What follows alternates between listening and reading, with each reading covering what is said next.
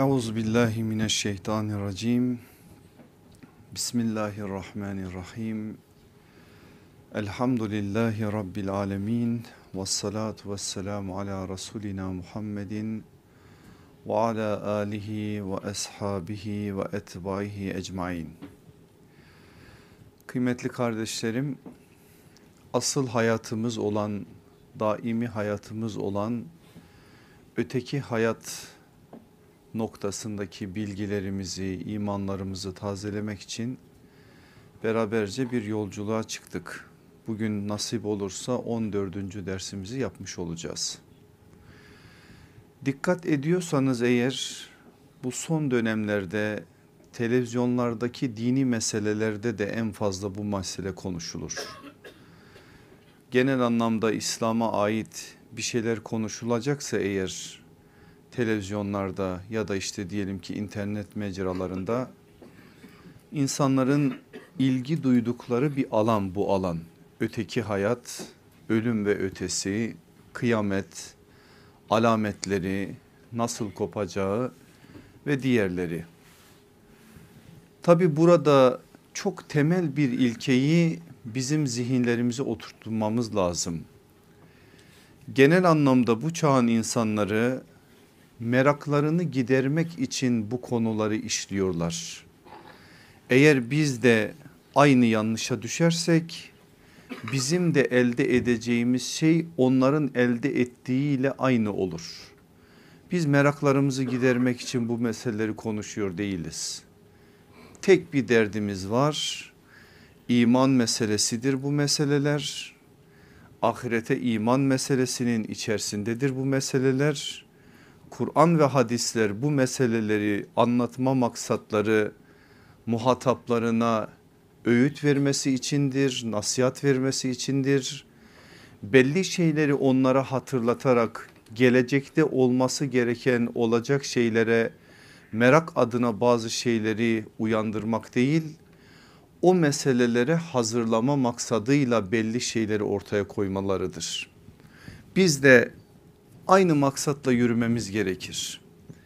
Kıyamete ait ve ondan sonraki süreç ki şimdi o sürecin önemli bir safhasını beraberce işlemeye çalışacağız burada. Eğer kalkar da meseleyi merak üzerinde oturtturur, ne olacak, ne bitecek, ne göreceğiz, neyle karşılaşacağız gibi sadece bunları merakla sorup ve bilgi alıp o bilgiyle de yetinirsek derslerdeki asıl maksada ulaşmamış oluruz. Bizim asıl maksadımız bilgilerimizi arttırmak değil. Nasıl olsa göreceğiz. Bilsek ne olur, bilmesek ne olur. Nasıl olsa gideceğiz ve birçok şeye orada muhatap olacağız. Ama Kur'an bunları niçin anlatır? Hazırlamak için anlatır. Allah Resulü sallallahu aleyhi ve sellem ısrar ve tekrarla bu meselenin niye üzerinde durur? Sana bir vaaz olsun bu bir nasihat olsun. Bir gideceğin hayat var o hayat asıl hayattır. Daimi hayattır kamil hayattır. O hayatta karşılaşacağın çok şeyler var. Onları bil ki onlara hazırlıklı olarak gidebilesin. Bu manada heybeni yine senin yolunun rehberi olan peygamber sallallahu aleyhi ve sellem nasıl gösteriyorsa o yolda yürüneceğini ona ait meseleleri de gösterir ona ait hazırlığı da gösterir o ilkeler çerçevesinde hazırlan ve gideceğin yere öyle git ki pişman olanlardan olmayasın. Allah bizi de pişman olanlardan eylemesin. Bu manada bize daha farklı bir bilinç versin.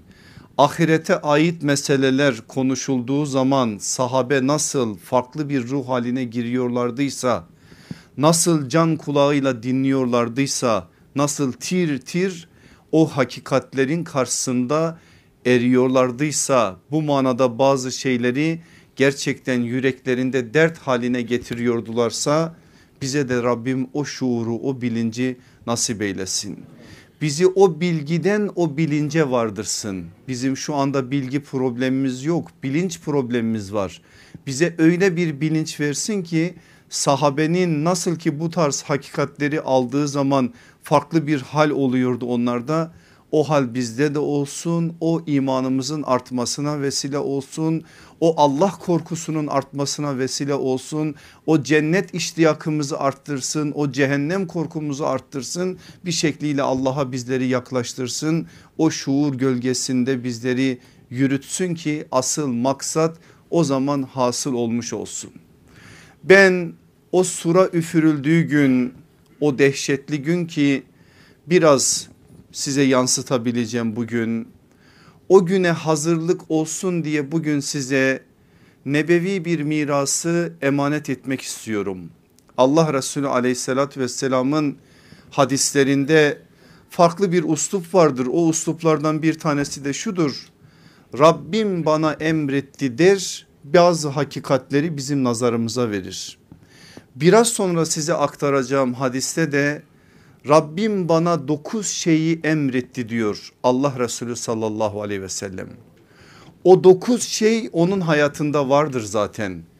Olanı ilan etmez aslında. Malumu ilan etmez aslında sallallahu aleyhi ve sellem. Haşa derdi ben bunları yapıyorum siz de bakın diye bir şey değildir. Onun derdi şudur aslında. Ben yapıyorum Rabbim bana emrettiği için size de duyuruyorum ki siz de kendi gücünüz ve nispetinizce yapın. Yaparsanız eğer bu manada bazı şeyleri almış olursunuz. Bazı şeyleri hayatınıza taşımış olursunuz.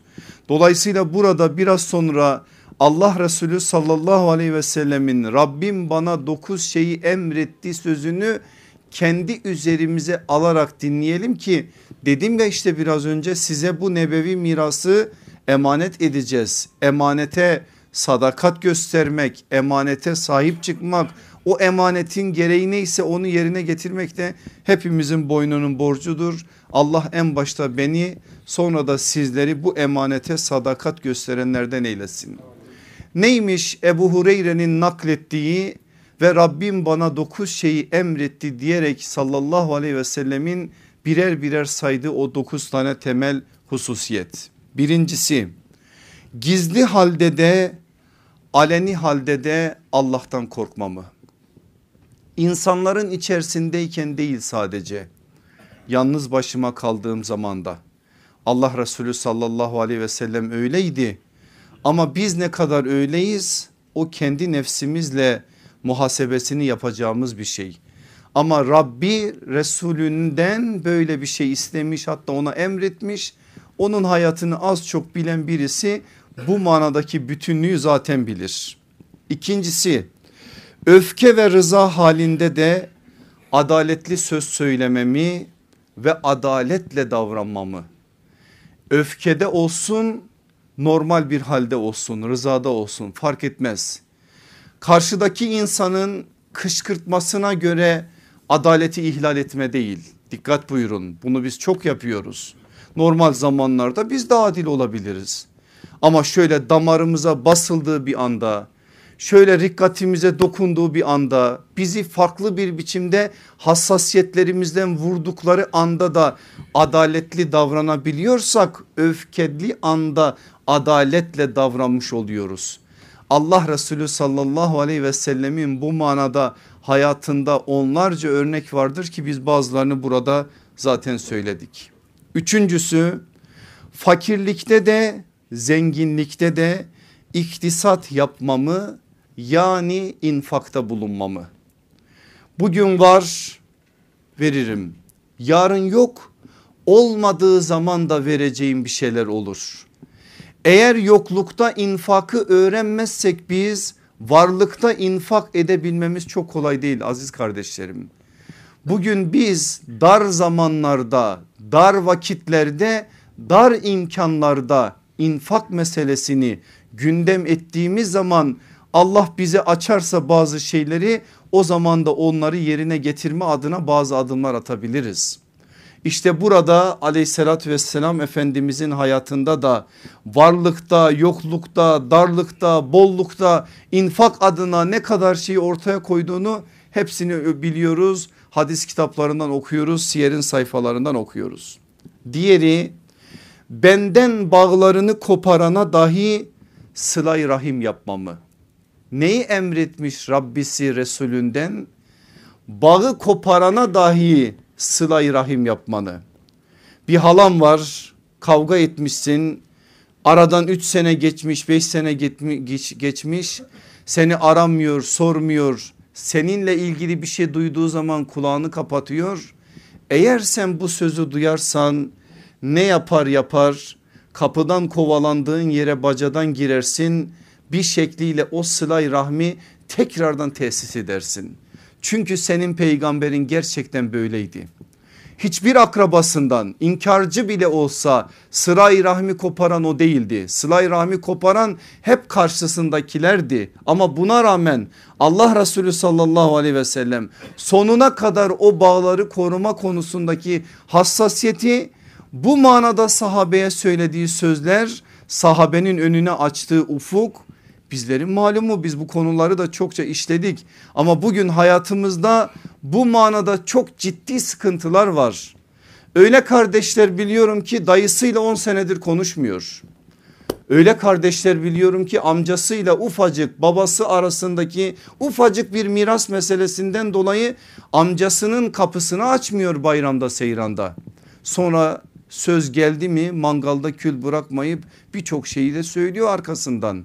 Ama kopardığımız bu bağ Allah bağlarından bir bağ. Her kim ki sılay rahmi koparırsa benimle de bağı koparmış diyen bir Rabbimizin buyruğu var karşımızda. Ama buna baktığın zaman yüzlerce bahane yüzlerce şey var. Burada da söylenen şey benden bağlarını koparana dahi sılay rahim yapmamı. Bir diğeri beni mahrum edene de vermemi. Beni mahrum edene de vermemi fedakarlık tarafını hep sallallahu aleyhi ve sellem kendi üzerinde yoğunlaştırıyor. Mümin öyledir zaten. Mümin başkasına dert olan adam değildir. Mümin başkasının derdini çeken adamdır. Dert dünyasındayız, darul cefadayız. Biz dert çekmeye geldik buraya. Bu dünyada şikayet dünyası değildir, dayanma dünyasıdır ah of demek yok ancak ah diyebilirsin. Derdin çoğaldığı zaman ah demeye bir şekilde sana cevaz verilir. Ama yine de bu manada o derdi üstlenme adına bir sorumluluk var ortada. Allah Resulü sallallahu aleyhi ve sellem'de bu işin en ağırını çeken bir örnek olarak karşımızda duruyor. Rabbi de ona mahrum edene ver, vereceksin diyerek bir şey söylüyor. Dikkat buyurun bana zulmedeni affetmemi. Allah Resulü sallallahu aleyhi ve sellem'den konuşuyoruz. Bana zulmedeni affetmemi. Susma halimin tefekkür olmasını, konuşma halimin zikir, bakışımın da ibret olmasını, her durumda marufu, doğru ve güzel olanı emretmemi Allah benden istedi. Dokuz şey şöyle yavaş yavaş 3 aylara yaslanacağımız vakit dilimleri gelip yaslanmış bizlere böyle bir zamanda bizim Allah Resulünden aldığımız emanetler olsun benim aziz kardeşlerim. Ne olur Rabbisinin ona emrederek yüklediği o sorumluluklar bizim de hayatımıza taşınsın. Bir şekliyle bunları hayatımızda doğrultma adına bir gayret ve ızdırap olsun. Olsun ki o sura üfürüldüğü gün pişman olanlardan eyvah diyenlerden Allah bizleri etmesin. Cenab-ı Hak buna rağmen eksiklerimize rağmen kusurlarımıza rağmen bizi bir an olsun Allah Resulü sallallahu aleyhi ve sellemin o güzel dünyasından o nebevi mirasından o nebevi emanetlerinden ayırmasın. Aziz kardeşlerim hayatı bitiren ve ebedi hayatı başlatan nefes sur diyeceğiz bugün. Geniş bir mesele hadislerde de ayetlerde de uzun uzun anlatılan bir mesele. Bu meseleyi bu derste kifayet miktarınca anlamaya çalışacağız. Sur aklımıza gelen ve tarifi de öyle zaten borudur. Allah'ın dört büyük melekten biri olan İsrafil'e vazife olarak yüklediği temel bir vazifedir. Bu vazife nasıl icra edilecek nasıl yapılacak ona ait bazı şeyleri anlatır hem ayetler hem hadisler. Biz de onların bir miktarını dediğim gibi işlemeye çalışacağız. Sözlükte seslenmek, ses çıkarmak, eğmek manasındaki savır kökünden türer sur. Satla yazılır biliyorsunuz. Ses çıkaran eğri boynuz demektir. Böyle bir anlam verilir şekil itibariyle de işlevi itibariyle de. Ama bazı dilcilere dil alimlerimize göre de sur şekil kelimesinin çoğuludur. Bu da bir yönüyle biraz daha şekline ait mesajları aslında nazarımıza verir. Sur kavramı Kur'an-ı Kerim'de 10 ayette sözlük anlamına yakın üfürmek, üflemek olan nefh kökünden türeyen fiillerle beraber kullanılmaktadır. Bunların üçünde göklerin ve yerin mevcut düzeninin bu üfleyişle bozulacağı diğerlerinde ise insanların kabirlerinden kalkıp huzuru ilahiyeye yürüyecekleri anlamında kullanılır. Müddessir suresinin 8. ayetinde ise boru borazan anlamındaki nakur kelimesi ses çıkarmak anlamına gelen nakır kökünden türemiş nukire fiiliyle kullanılarak ikinci nefhaya yani ikinci sura üflemeye işareten kullanılır. Böylelikle bu manada sura üfürülüşün ne demek olduğu konusunda da biraz bilgi verir. Kur'an-ı Kerim'de bu kadar değil ben bu kadarını söyleyeyim sadece size. Daha tek tek ayetleri ele alsak onlarca şey söylememiz lazım. Ama bakın hadislere başta Bukhari, Müslim, Tirmizi, Ebu Davud, Nesai, Ahmet bin Hanbel'in müsnedi ve onlarca hadis kitabında ayetlerin bir yönüyle izahları sadedinde bir yönüyle biraz daha tasviri daha net bir biçimde ortaya koyarak ahiretin o dehşetli anları aleyhissalatü vesselam efendimizin o kutlu beyanlarıyla karşılık bulur. Bu konuda bazı ihtilaflar var ben sizi ihtilaflarla yoracak değilim ama sadece bir iki cümle söyleyeyim bilgi olarak sizde bulunsun. Mesela sura üfürülüş bir kez mi olacak iki kez mi olacak üç kez mi olacak alimlerimiz arasında ihtilaflıdır. Sura üfleyecek görevli melek sadece İsrafil midir? Yoksa İsrafil'le beraber başka melekler de bu işte görevlendirilmiş midir? Bu da ihtilaflıdır. Surun şekli, mahiyeti, çıkacak ses bunlar alimlerimizin arasında çeşitli hadislere bağlı olarak tartışılmıştır ama biz o tartışmalara girecek değiliz. Şimdi biz meseleyi geçen ders bıraktığımız yerden alarak biraz da sıralamaya dikkat ederek bir anlamaya çalışalım. Kıyametin alametleri yakın ve uzak, küçük ve büyük alametler olarak biliyorsunuz ayrılıyordu. Bu alametlerden küçüklerin tamamı çıktıktan sonra büyük alametler başlayacak birer birer çıkmaya. O büyük alametlerin ne olduğunu da geçen dersin sonunda söyledik. Deccal'ın ortaya çıkışı, duhanın yani dehşetli bir dumanın dünyayı kaplaması, tam anlamıyla mahiyetini bilmediğimiz dabbetül arzın ortaya çıkması, güneşin batıdan doğması, Hazreti İsa'nın yeryüzüne nüzul etmesi, yeryüzüne inmesi ve dünyanın tamamının İslam'ın mesajlarıyla buluşması İslam'ın dünyanın dört bir tarafına hakim olması. Hatta sallallahu aleyhi ve sellem Efendimiz Temimi Dari ki Filistinli sahabidir Allah ondan ebeden razı olsun. Temimi Dari'nin naklettiği hadise göre yeryüzünde kıldan tüyden yapılmış her çadıra kerpiçten kiremitten yapılmış her eve Allah'ın adı Resulullah'ın adı ya izzetle ya zilletle girecektir. Bu ne demek? Yeryüzünün tamamı İslam'la buluşacak. Bu da kıyametin büyük alametlerinden bir tanesidir. Dünyanın sonuna doğru bu olacak. Dolayısıyla bugün dünyada bu kadar zulüm var, sıkıntı var, şu var, bu var. Yüreğimizi acıtan binlerce şey var ama böyle de bir müjde var. Bir taraftan bu müjdenin varlığı da bizim ümitlerimizi hiçbir zaman söndürmemeli. Ümitlerimizin üzerine ümitler eklemeli. Bu büyük alametlerin büyük bir kısmı olduktan sonra kevni kıyamet dediğimiz o kozmik dengelerin sarsıldığı büyük kıyamet olmadan bir hakikat olacak ki o da müminlere Allah'ın verdiği büyük bir mükafattır. Nedir o? Yeryüzünde hiçbir mümin kalmayacak. Allah o kevni kıyamet olmadan bütün müminlerin canlarını alacak. O müminler inşallah biz eğer varırsak o günlere varmasak bizden sonra gelen müminler o manada o dehşetli tabloları yaşamayacaklar. Bu Rabbimizin aslında mümin kullarına büyük bir ikramıdır, lütfudur ve müjdesidir. Bakın Müslim'in İmam babının 185 numaralı hadisinde aleyhissalatü vesselam Efendimiz bunu nasıl bize anlatıyor?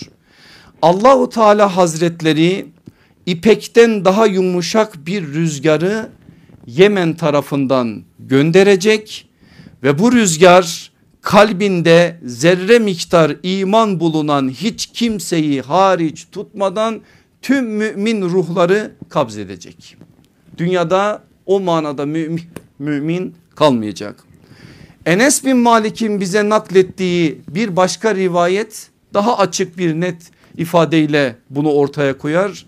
Yeryüzünde Allah Allah denildikçe kıyamet kopmayacaktır. Allah kendisinin adını anan mümince ama Allah'ın istediği gibi tevhid akidesine uygun bir biçimde asla şirke bulaşmadan şirki bulaştırmadan bu manada Allah Allah diyenlerin tamamının ruhlarını kabzetmeden kıyamet vuku bulmayacak. Böyle bir şey olduktan sonra işte o zaman Cenab-ı Hak İsrafil'e emir verecek ve İsrafil ilk kez sura üfleyerek kıyameti başlatmış olacak. Aleyhissalatü vesselam Efendimiz İsrafil aleyhisselamın sura üfürmesini bize anlatır birkaç hadiste. Onlardan iki tanesini ben size vereceğim.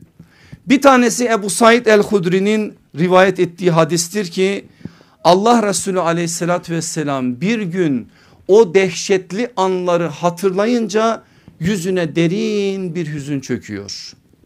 Sahabe yanında dakikalarca Allah Resulü'nün konuşmadığını görüyorlar. Sonra merakla soruyorlar ya Resulallah nedir bu hal? Niye bu kadar üzgünsünüz?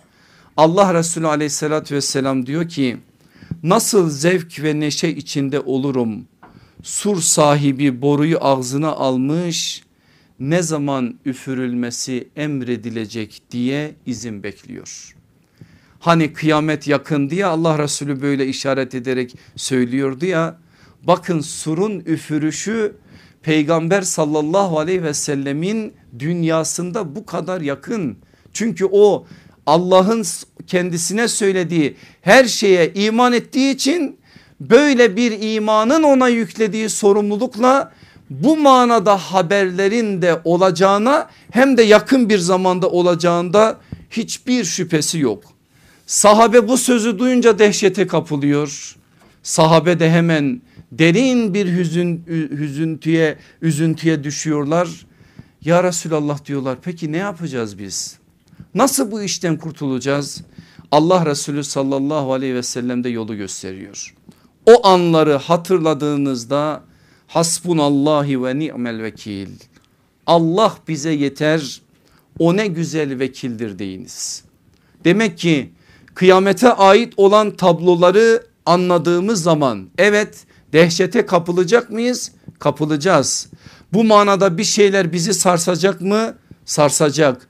Ama o korku Allah'a sığınılarak aşılacak bir şey.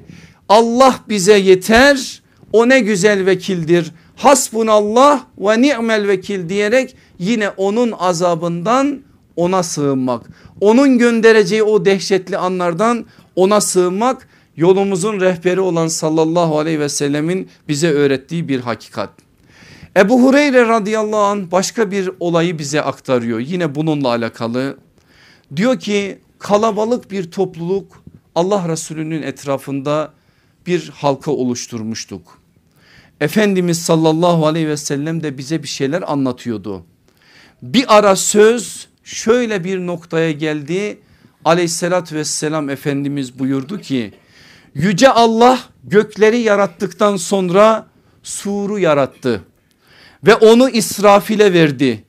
İsrafil ağzını sura dayamış ve gözlerini arşa dikmiştir. İsrafil'in ağzı surda gözleri ise arştadır. Sura üfürmesi için verilen emri beklemektedir. Ebu Hureyre diyor ki hepimiz şaştık kaldık. Sahabe bizim gibi uykulu gözlerle dinlemez bunları. Başka bir şekilde dinler. Onların farklı farklı bir halleri olduğu için o ahirete iman meselesinde halen biz o ufka varamadığımız için ahirete imanla alakalı şeyler bizi sarsmıyor. Geçen söyledim size öneminden dolayı bir daha söylerim. Hani biz namaz kılarken Duhan süresinden sonrasına namaz süreleri adını verir hızlı hızlı kılmak için o süreleri okur geçir, geçeriz ya. Genel anlamda da o sürelerde genel mesaj kıyamet ve arkasından gelen olaylardır ya tekassür süresinde olduğu gibi zilzal süresinde olduğu gibi Kariya süresinde olduğu gibi o sürelerden bir tanesi okunacak da mescidin dışından birisi geçtiği zaman arı uğultuları gibi mescitten yükselen ağlama seslerini duymayacak. Yok böyle bir şey.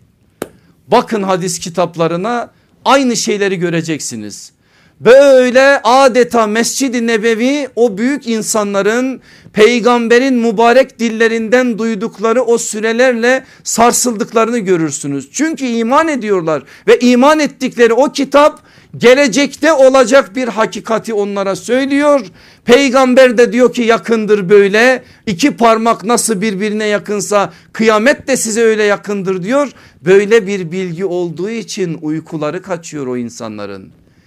Gözleri bu manada farklıdır onların. Duyguları farklıdır, bakışları farklıdır, hisse, hisleri farklıdır. Öyle olduğu için zaten hayatları öyle olmuştur. O tabloyu da Allah Resulü aleyhissalatü vesselam anlatınca sarsılıyor sahabi. Ebu Hureyre biraz kendisini topluyor.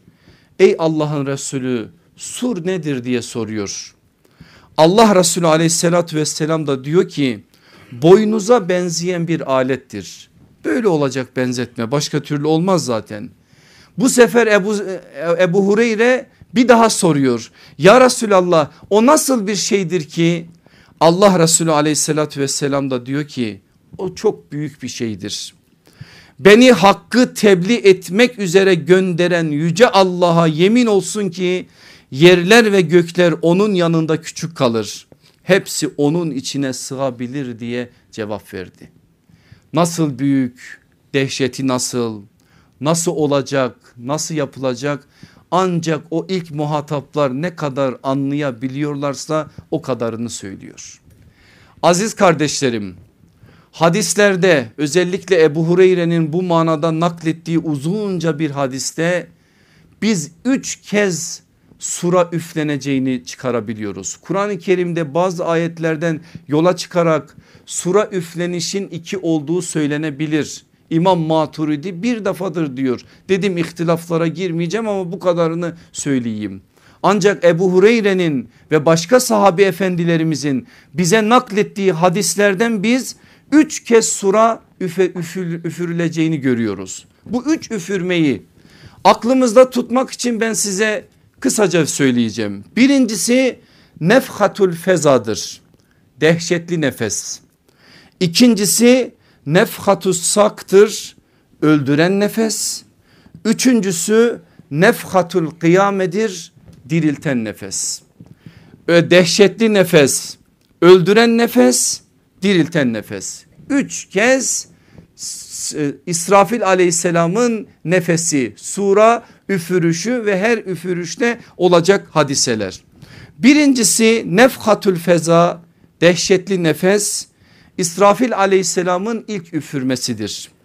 Dehşetli bir sesin ortaya çıkmasına neden olur ve bu sesle bildiğimiz büyük kıyamet başlar. O kıyametle birlikte Allah Resulü aleyhissalatü vesselamın da Kur'an'ın da bize anlattığı o kıyametin dehşet tabloları ortaya çıkmış olur. Okuyanlar o dehşet tabloların ne olduğunu kıyametin Kur'an'da anlatılan sahnelerini bize anlatan Kur'an'da kıyamet sahnelerinden okumuşlardır.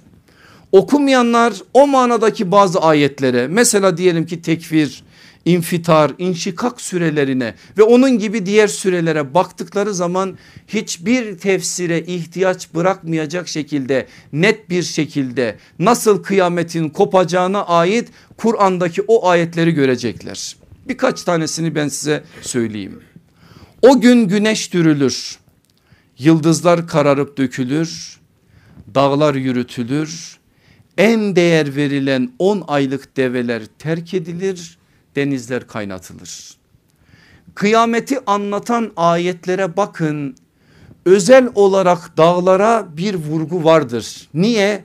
Çünkü dağ insanın gözünde bu kadar büyük bir şeye ne olur ki gibi bir şeyle değerlendirilir. İnsan dağların yerinden oynamasını, dağılmasını, un ufak olmasını bir türlü anlayamaz. Ama Rabbimiz de özellikle kıyameti bize anlatırken dağlar üzerinden denizler üzerinden veriyor. Bu okuduğum ayetler Tekvir suresinin birinci, dördüncü ve altıncı ayetleriydi.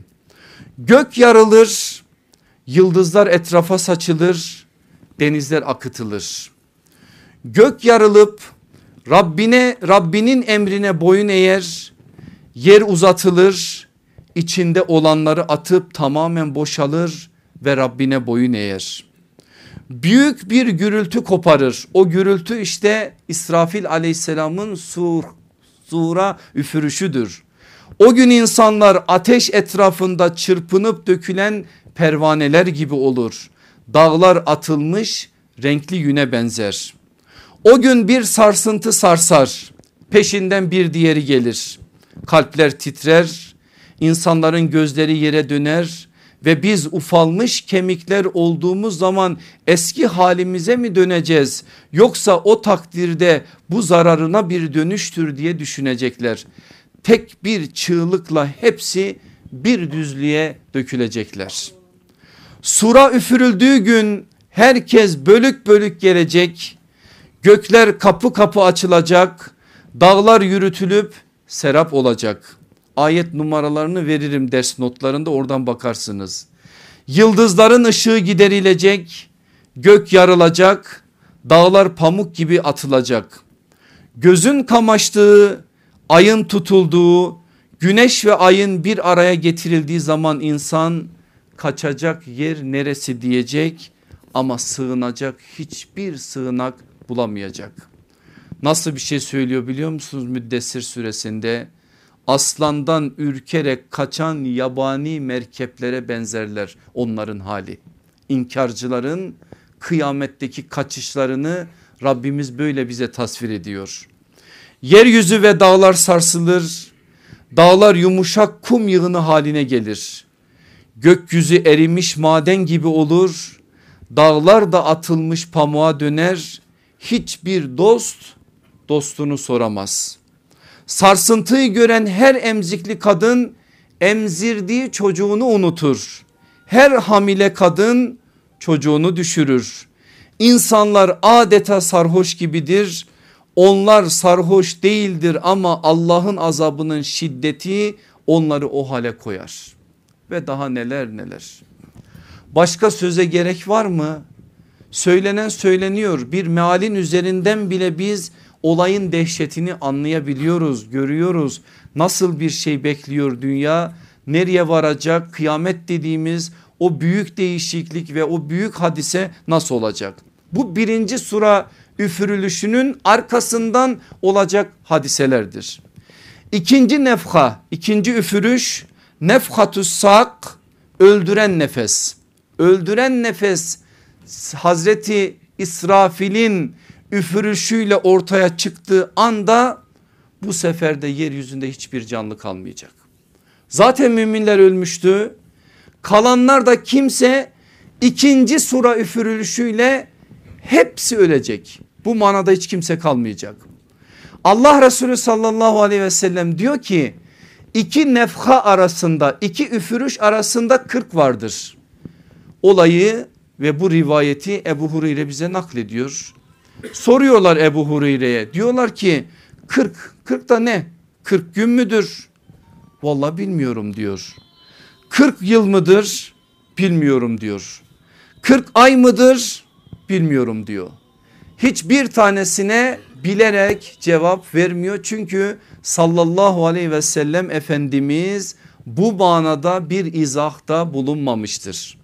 Sahabe bizim gibi yapmaz. Bugün bazı cahillerin yaptığı gibi Allah Resulü sallallahu aleyhi ve sellemin orada durdurduğu şeyi başkası o boşluğu doldurma adına bir girişime girmez. Allah Resulü aleyhissalatü vesselam ne kadar söylemişse o kadarıyla yetinir. Onun için de sahabe Ebu Hureyre radıyallahu an 40 gün müdür diye sordukları zaman da bilmiyorum diyor. 40 yıl mıdır diye sordukları zaman da bilmiyorum diyor. 40 ay mıdır diye sordukları zaman da bilmiyorum diyor. Ama bir zaman olduğu belli. Hazreti İsrafil ikinci sura üfürdüğü zaman işi bitti artık. Kendisinin de orada canı alınacak o da ölecek. O anlarda Azrail aleyhisselam Rabbimizin huzuruna çıkacak. Aleyhissalatü vesselam Efendimiz bize anlatıyor. Diyor ki bütün canlılar öldükten sonra ölüm meleği Azrail Allah'ın huzuruna çıkar ve ey Allah'ım yaşamasını dilediğin kimselerden başka yerde ve gökte canlı olarak yaşayan bütün varlıklar öldü der. Yaşamasını dilediğin varlıklar dışında bütün canlılar öldü.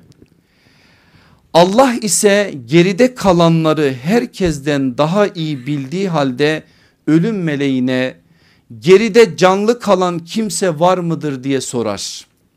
Azrail der ki ey Allah'ım ölmeyen ve daima diri olan zatı celalin kaldı. Sen bakisin mutlak manada dirisin bir de kalmasını dilediğin kimmiş bakın onlar arşı ayakta tutan melekler Cebrail, Mikail ve ben kaldım. Rabbimiz bunun üzerinde der ki o halde onlara da benim emrimi ulaştır. Yani onları da öldür en son sen de öldür. Cebrail onlara da emri ulaştırır affedersiniz Azrail. En son kendisi de yine hadisten öğreniyoruz bu ayrıntıyı. Cennet ile cehennem arasında bir yerde kendi ruhunu kabzeder.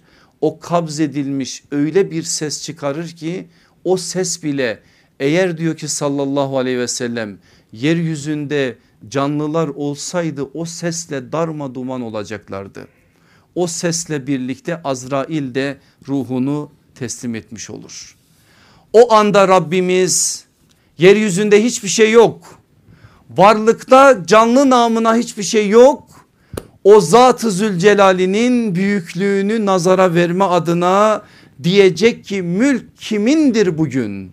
Ses yok. Kim verecek cevabı? Sesi yine Rabbimiz verecek. Bugün mülk tek ve her şeye gücü yeten Allah'ındır diyecek. Bu son cümleyi biz müminin suresi mümin suresi 16. ayetinden okuyoruz. Limenil mülki yevm lillahil vahidil kahhar. Bugün mülk kimindir? Mutlak manada bir olan ve kahhar olan Allah'ındır. Ne diyoruz biz her gün Fatiha'da? Maliki yevmiddin. Melikil yevmiddin. O din gününün hem sahibi hem meliki hem yöneticisi işte o geldi. Tam da tefsiri burası Allah'tan başka din gününün ne maliki kalacak ne meliki kalacak. Her şey yok olup gidecek sadece kalan onun zatı zülcelali olacak. Böylelikle Allah yeryüzüne ve varlık alemine yeni bir şey koyacak. Yepyeni bir yaratılış olacak mahiyetini anlayamadığımız yerlerle gökler yer değiştirecek. Yeni bir alem olacak ve dümdüz bir arazi olacak. Dümdüz bir hale dönüşecek. Ancak bize anlatıldığı kadar bilebiliriz. Böyle bir hal geldikten sonra Allah'ın emriyle gökyüzünden yeryüzüne 40 gün boyunca yağmur yağacak. Farklı bir yağmur bu.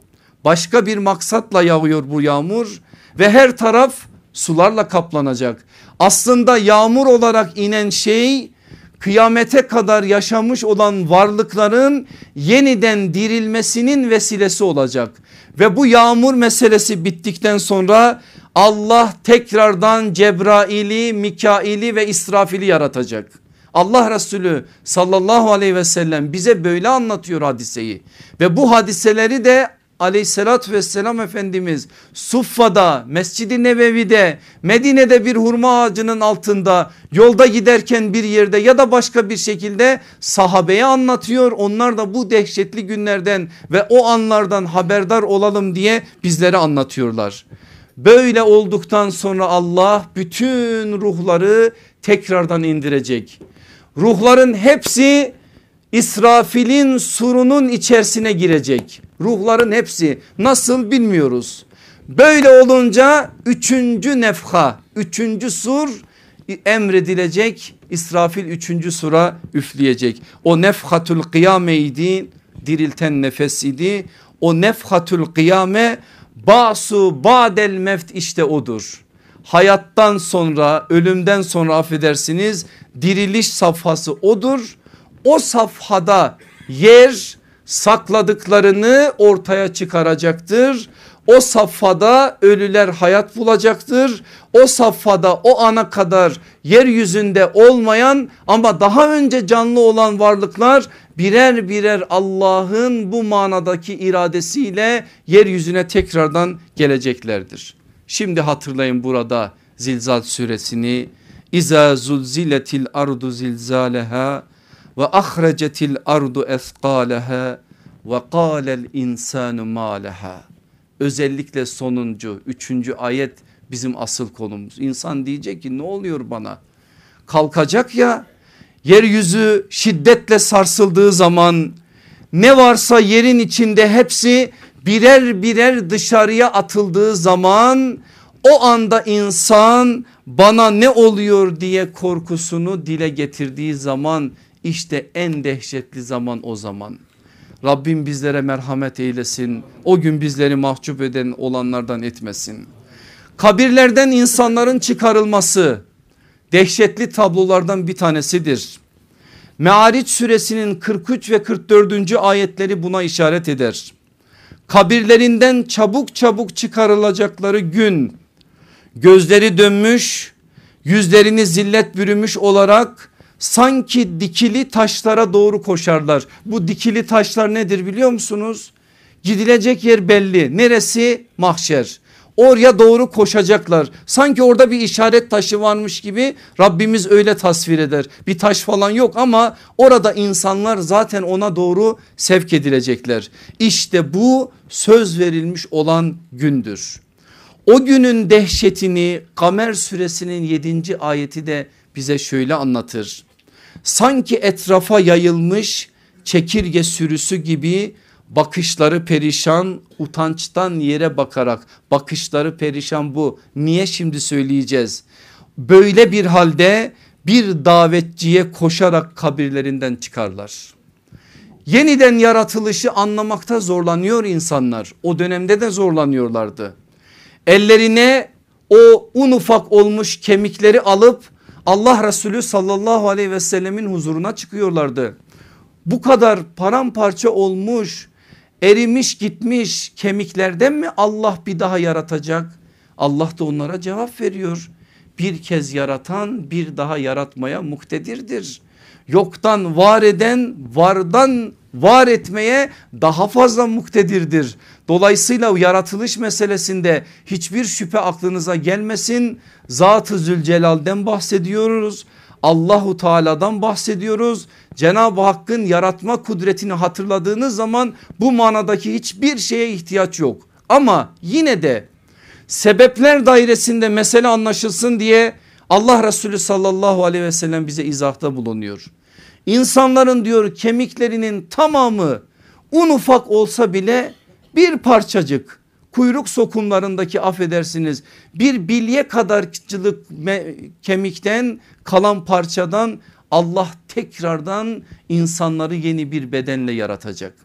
Velev ki o olmasa o parça bile olmasa Allah yine muktedirdir yaratmaya kemiklerin varlığı ya da yokluğu onun yaratmasının herhangi bir nedeni ya da sebebi değildir. Allah yaratacaktır. Rabbimizin o yaratma meselesindeki kudretini Allah Resulü sallallahu aleyhi ve sellem nazara verdikten sonra bir hakikati daha bizlere söylüyor. Abdullah İbni Abbas diyor ki hutbede bize anlattı anlattı anlattı. Sonra döndü bize dedi ki sizler Allah'a yalın ayak çıplak ve sünnetsiz bir biçimde kavuşacaksınız.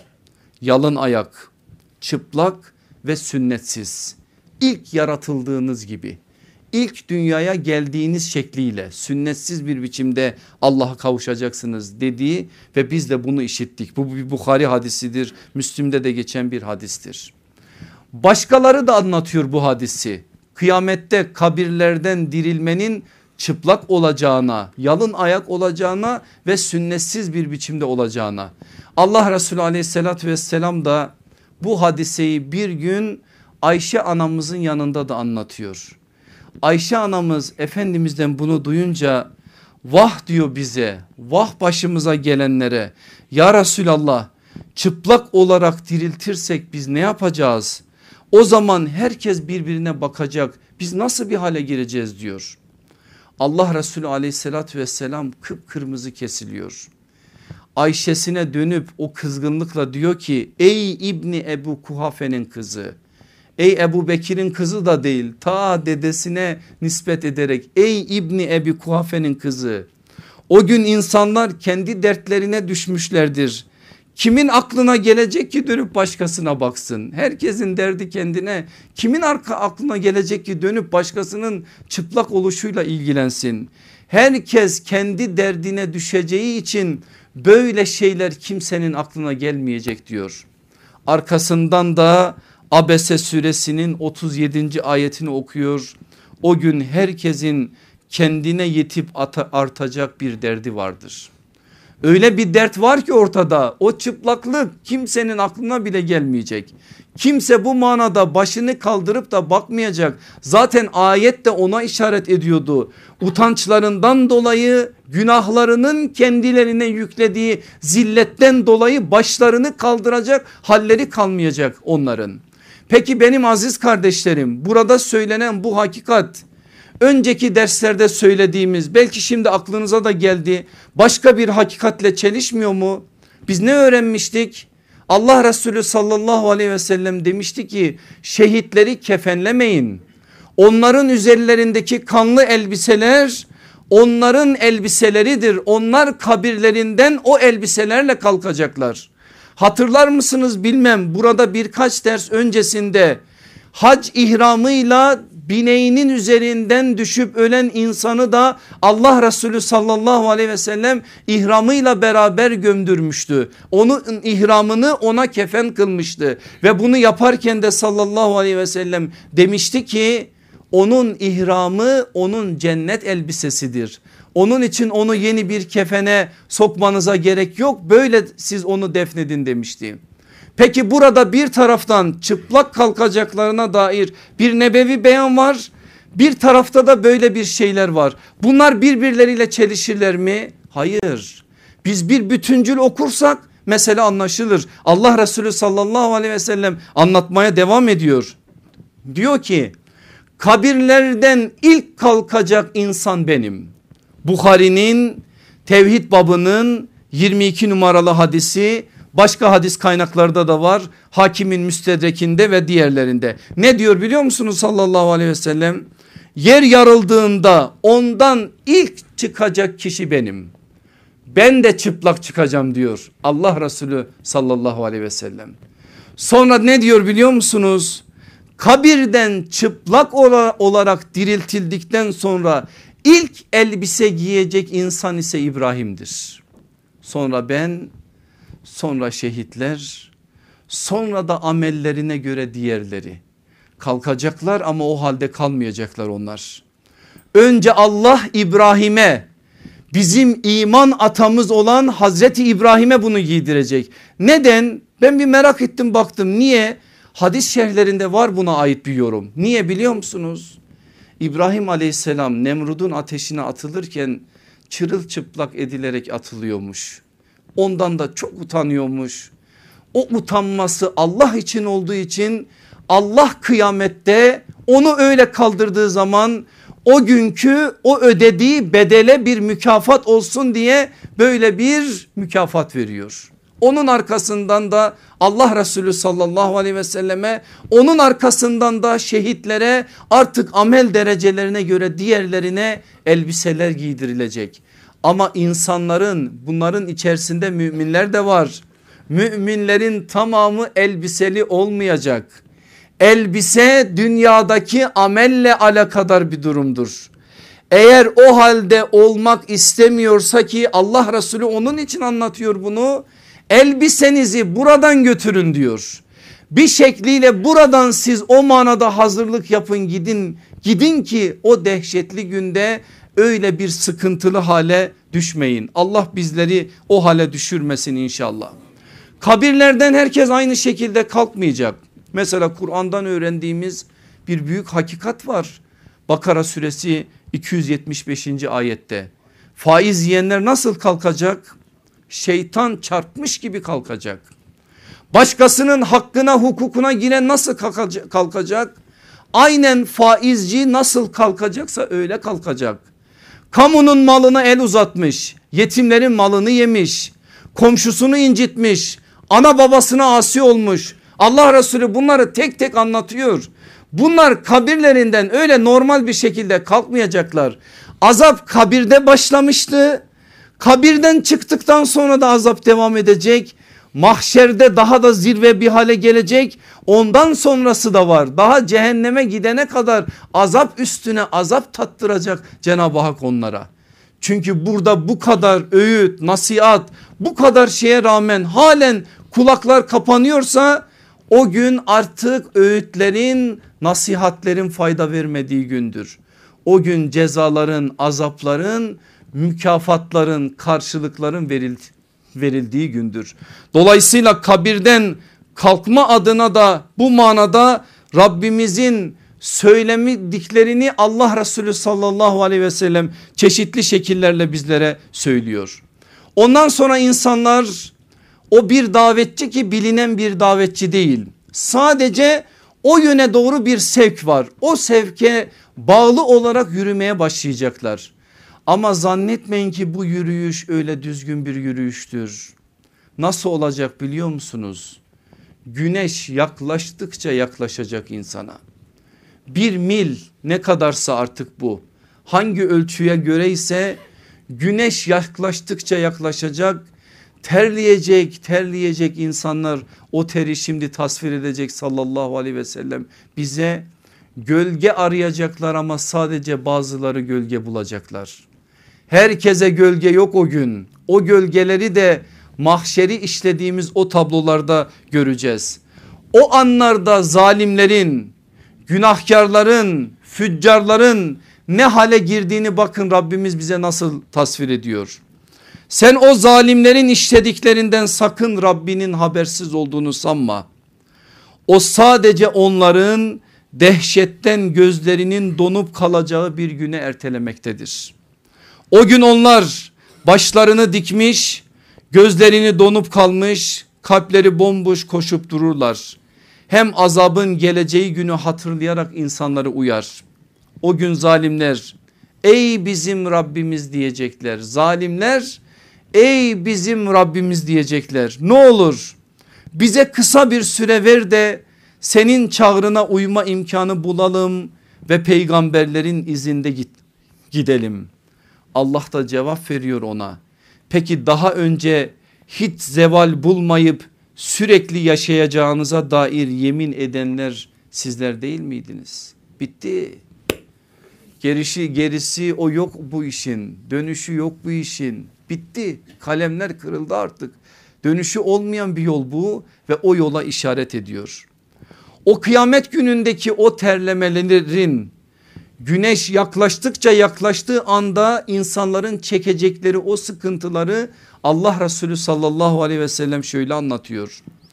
İnsanlar kıyamet günü öylesine ter akıtırlar ki bu terler yerin içinde 70 ziralık derinliğe kadar iner ve bu ter yer üstünde birikerek insanları konuşamaz hale getirecek kadar ağızlarına kadar çıkar.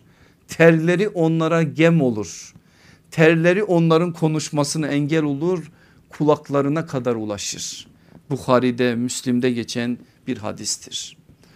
O gün zalimlerin günahkarların hali böyle ama herkes böyle değil müminler salihler de başka türlü Allah Resulü sallallahu aleyhi ve sellem de onları da bize söylüyor. Kıyamet günü insanlar üç sınıf olarak haş olacaklar. Yayalar, binekliler, yüzü üstünde sürünenler. Yayalar, binekliler belli. Diğerini merak ediyor sahabe. Ya Resulallah diyor diyorlar. Bu yüzleri üzerine sürünmek nasıl?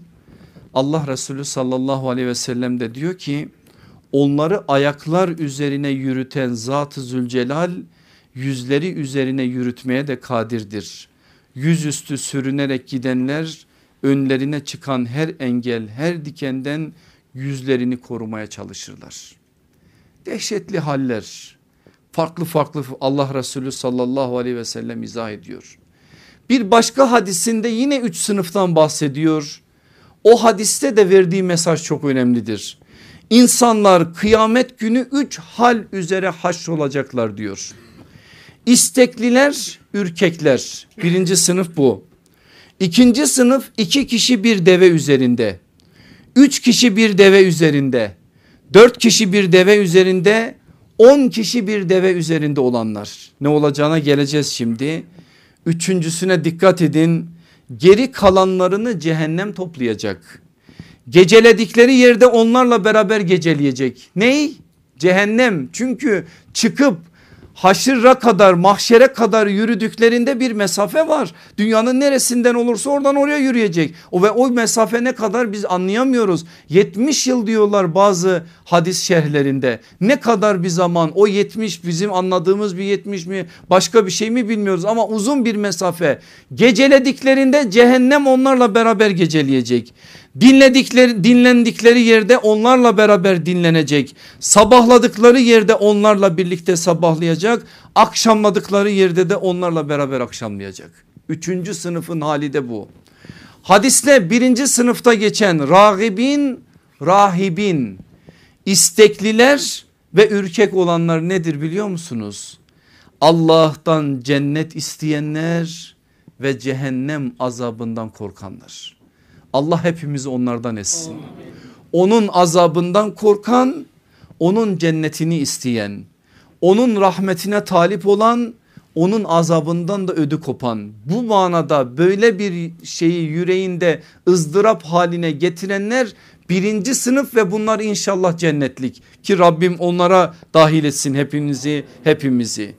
İkinci sınıf hani bir bineye iki ya da üç kişi binenler ile ahir dedikleri Allah Resulü sallallahu aleyhi ve sellemin izahına göre günahkar müminler. Günahlarının nispetinde binecekler bineye. Bazen iki kişi bir bineye bazen üç kişi bir bineye bazen beş kişi bazen on kişi binecekler onlar da gidecek. Biz ona da razıyız. Ona ondan olsak düğün bayram bizim için. Ondan olma bile o gün o dehşetli anları hatırladığınız zaman büyük bir bahtiyarlık. Diğeri ise cehennemi hak etmiş olan kafirler inkarcılardır. İşte mahşere böyle varacak o insanlar ve o mahşer anında da Cenab-ı Hak bambaşka bir hal yaşatacak. O hal orada hesapla neticelenecek. Hesaptan sonra sıratın üzerinde bir yürüyüş olacak. O yürüyüşün neticesinde de kimileri sırattan direkt cehenneme yuvarlanacak. kimi de o sırattan geçerek cennete doğru varacak. Allah bizi o varanlardan eylesin inşallah. Aziz kardeşlerim fazlaca yormayacağım sizi. İki tane temel meselemiz var bugünkü meclisimizle alakadar. Onları da söyleyerek sözlerimi bitireceğim. Bu mahşere yürüme anı çok dehşetli bir an ve insanlar o gün bir ışık arayacaklar.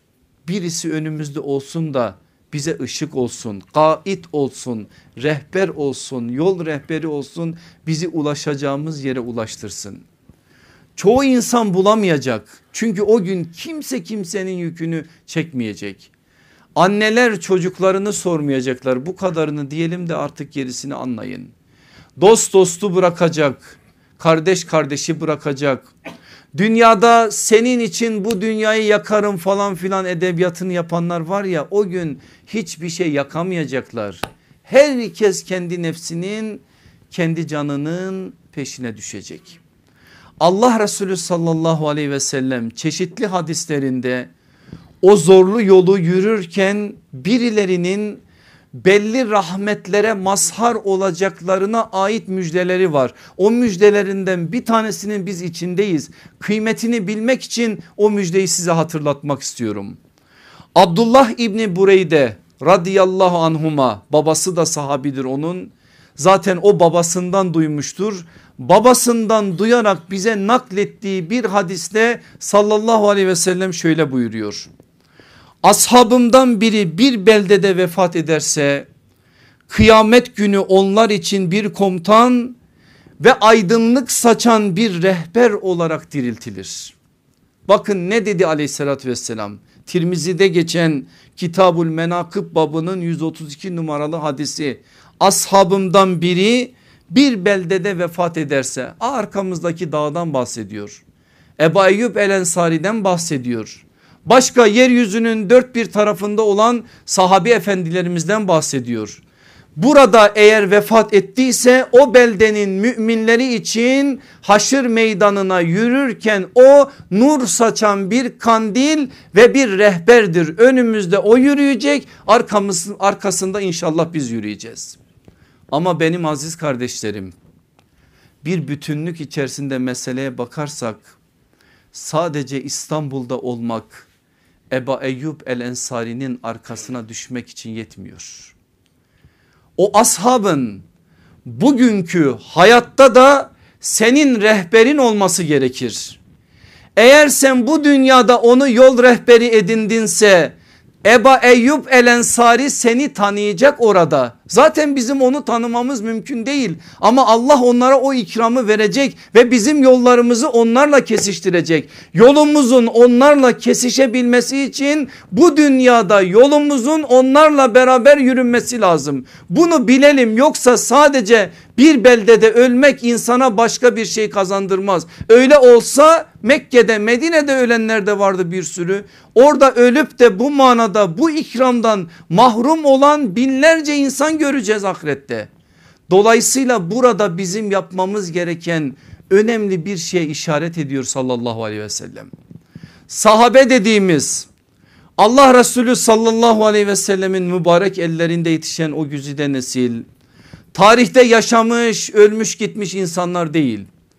Biz 14 asır önce efsaneleşmiş insanlardan bahsetmiyoruz.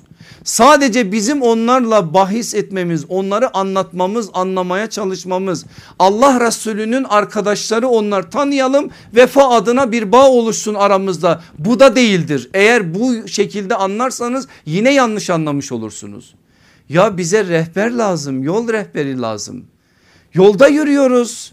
Bize bir mürşit lazım. Doğru yolda nasıl doğru bir biçimde yürünür bunu bize gösteren mürşitler lazım. O mürşitler de ashab-ı kiram efendilerimizdir. Allah onlardan razı onlar Allah'tan razı. Varsa yeryüzünde insanlık tarihinde böyle bir şerefe ermiş ikinci bir nesil gidip onların kapısını zorlayalım. E sadece bu nesil var ve Kur'an bu nesli bize örnek gösteriyor.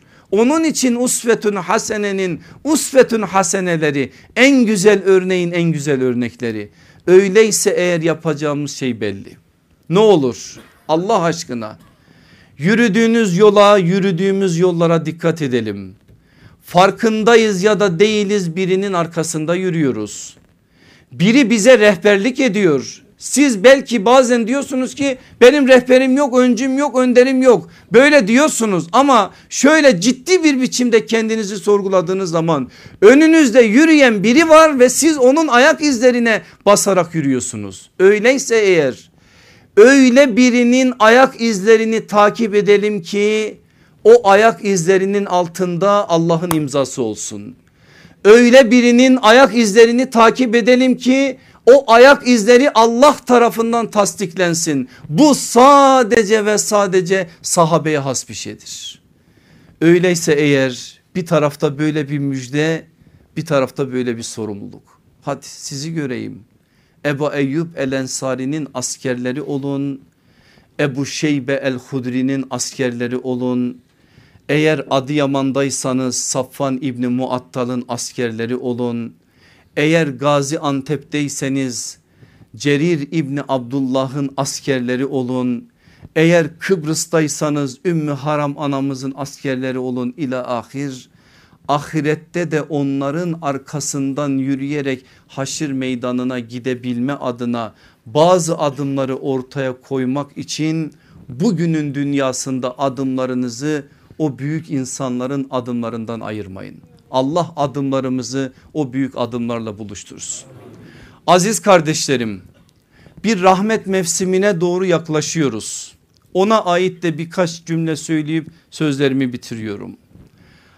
Allah nefes verirse ömür verirse ki bize onundur bütün irade biz bilmiyoruz. Salıyı çarşambaya bağlayan gece 3 aylar dediğimiz rahmet mevsimine girmiş olacağız. Perşembe gecesi 3 ayların ilk cuma gecesidir. Recep ayının ilk cuma gecesidir. Regaib gecesidir, rağbet gecesidir, rahmet gecesidir. Allah Resulü'nün o gecenin faziletine ait de beyanları var. Ben bir hakikati belki farkındasınız değilsiniz size hatırlatmak istiyorum. Son yıllarda özellikle 3 aylar meselesinde bizde bir gevşeme var. Hazırlanamıyoruz. Resulullah'ın ve sahabenin dikkat kestiği kadar dikkat kesemiyoruz. Biz hazırlanma deyince gündem etme deyince aklımıza şu geliyor. Twitter'da çakalım 2-3 tane mesaj bir iki tane de böyle beylik laflardan resimlerden mesajlar yayınlayalım sosyal medyada olsun bilsin. Bu değil vallahi bu değil billahi bu değil.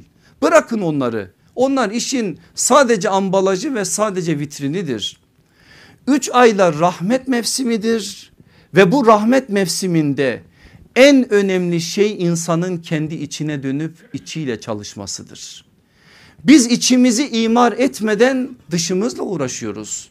Çökmüş içimiz kalbimiz gitmiş nefisler sıkıntılı takva yok. Birçok şey hayatımızdan çekip gitmiş. Nafile desen ibadet adına hiçbir şey yok. Hayır desen birçok şey azalmış gitmiş. Gündemimiz hep dünyevi şeyler olmuş. Aslında bazen mücahitlik yaparak böyle sıcak sıcak tartışa tartışa böyle farklı bir halde konuştuğumuz meselelerde bile arkasına dönüp baktığımız zaman aslında dünyevi anlamda bazı talepler olduğunun farkına varacağız. Ama o muhasebeyi ciddi bir biçimde yapmadığımız için aslında dünyevi olan taleplerimizi uhrevi ambalajlar içerisinde biz sunuyoruz hem kendimize hem başkalarına. Ben de diyorum ki gelin yapmayalım etmeyelim bakın suru söylüyoruz kıyameti söylüyoruz ahireti söylüyoruz hesabı söylüyoruz mahşeri söylüyoruz. Bugün yarın hepimizin tadacağı temel hakikattir bu. Kendimizi kurtarmadan dünyayı kurtaramayız.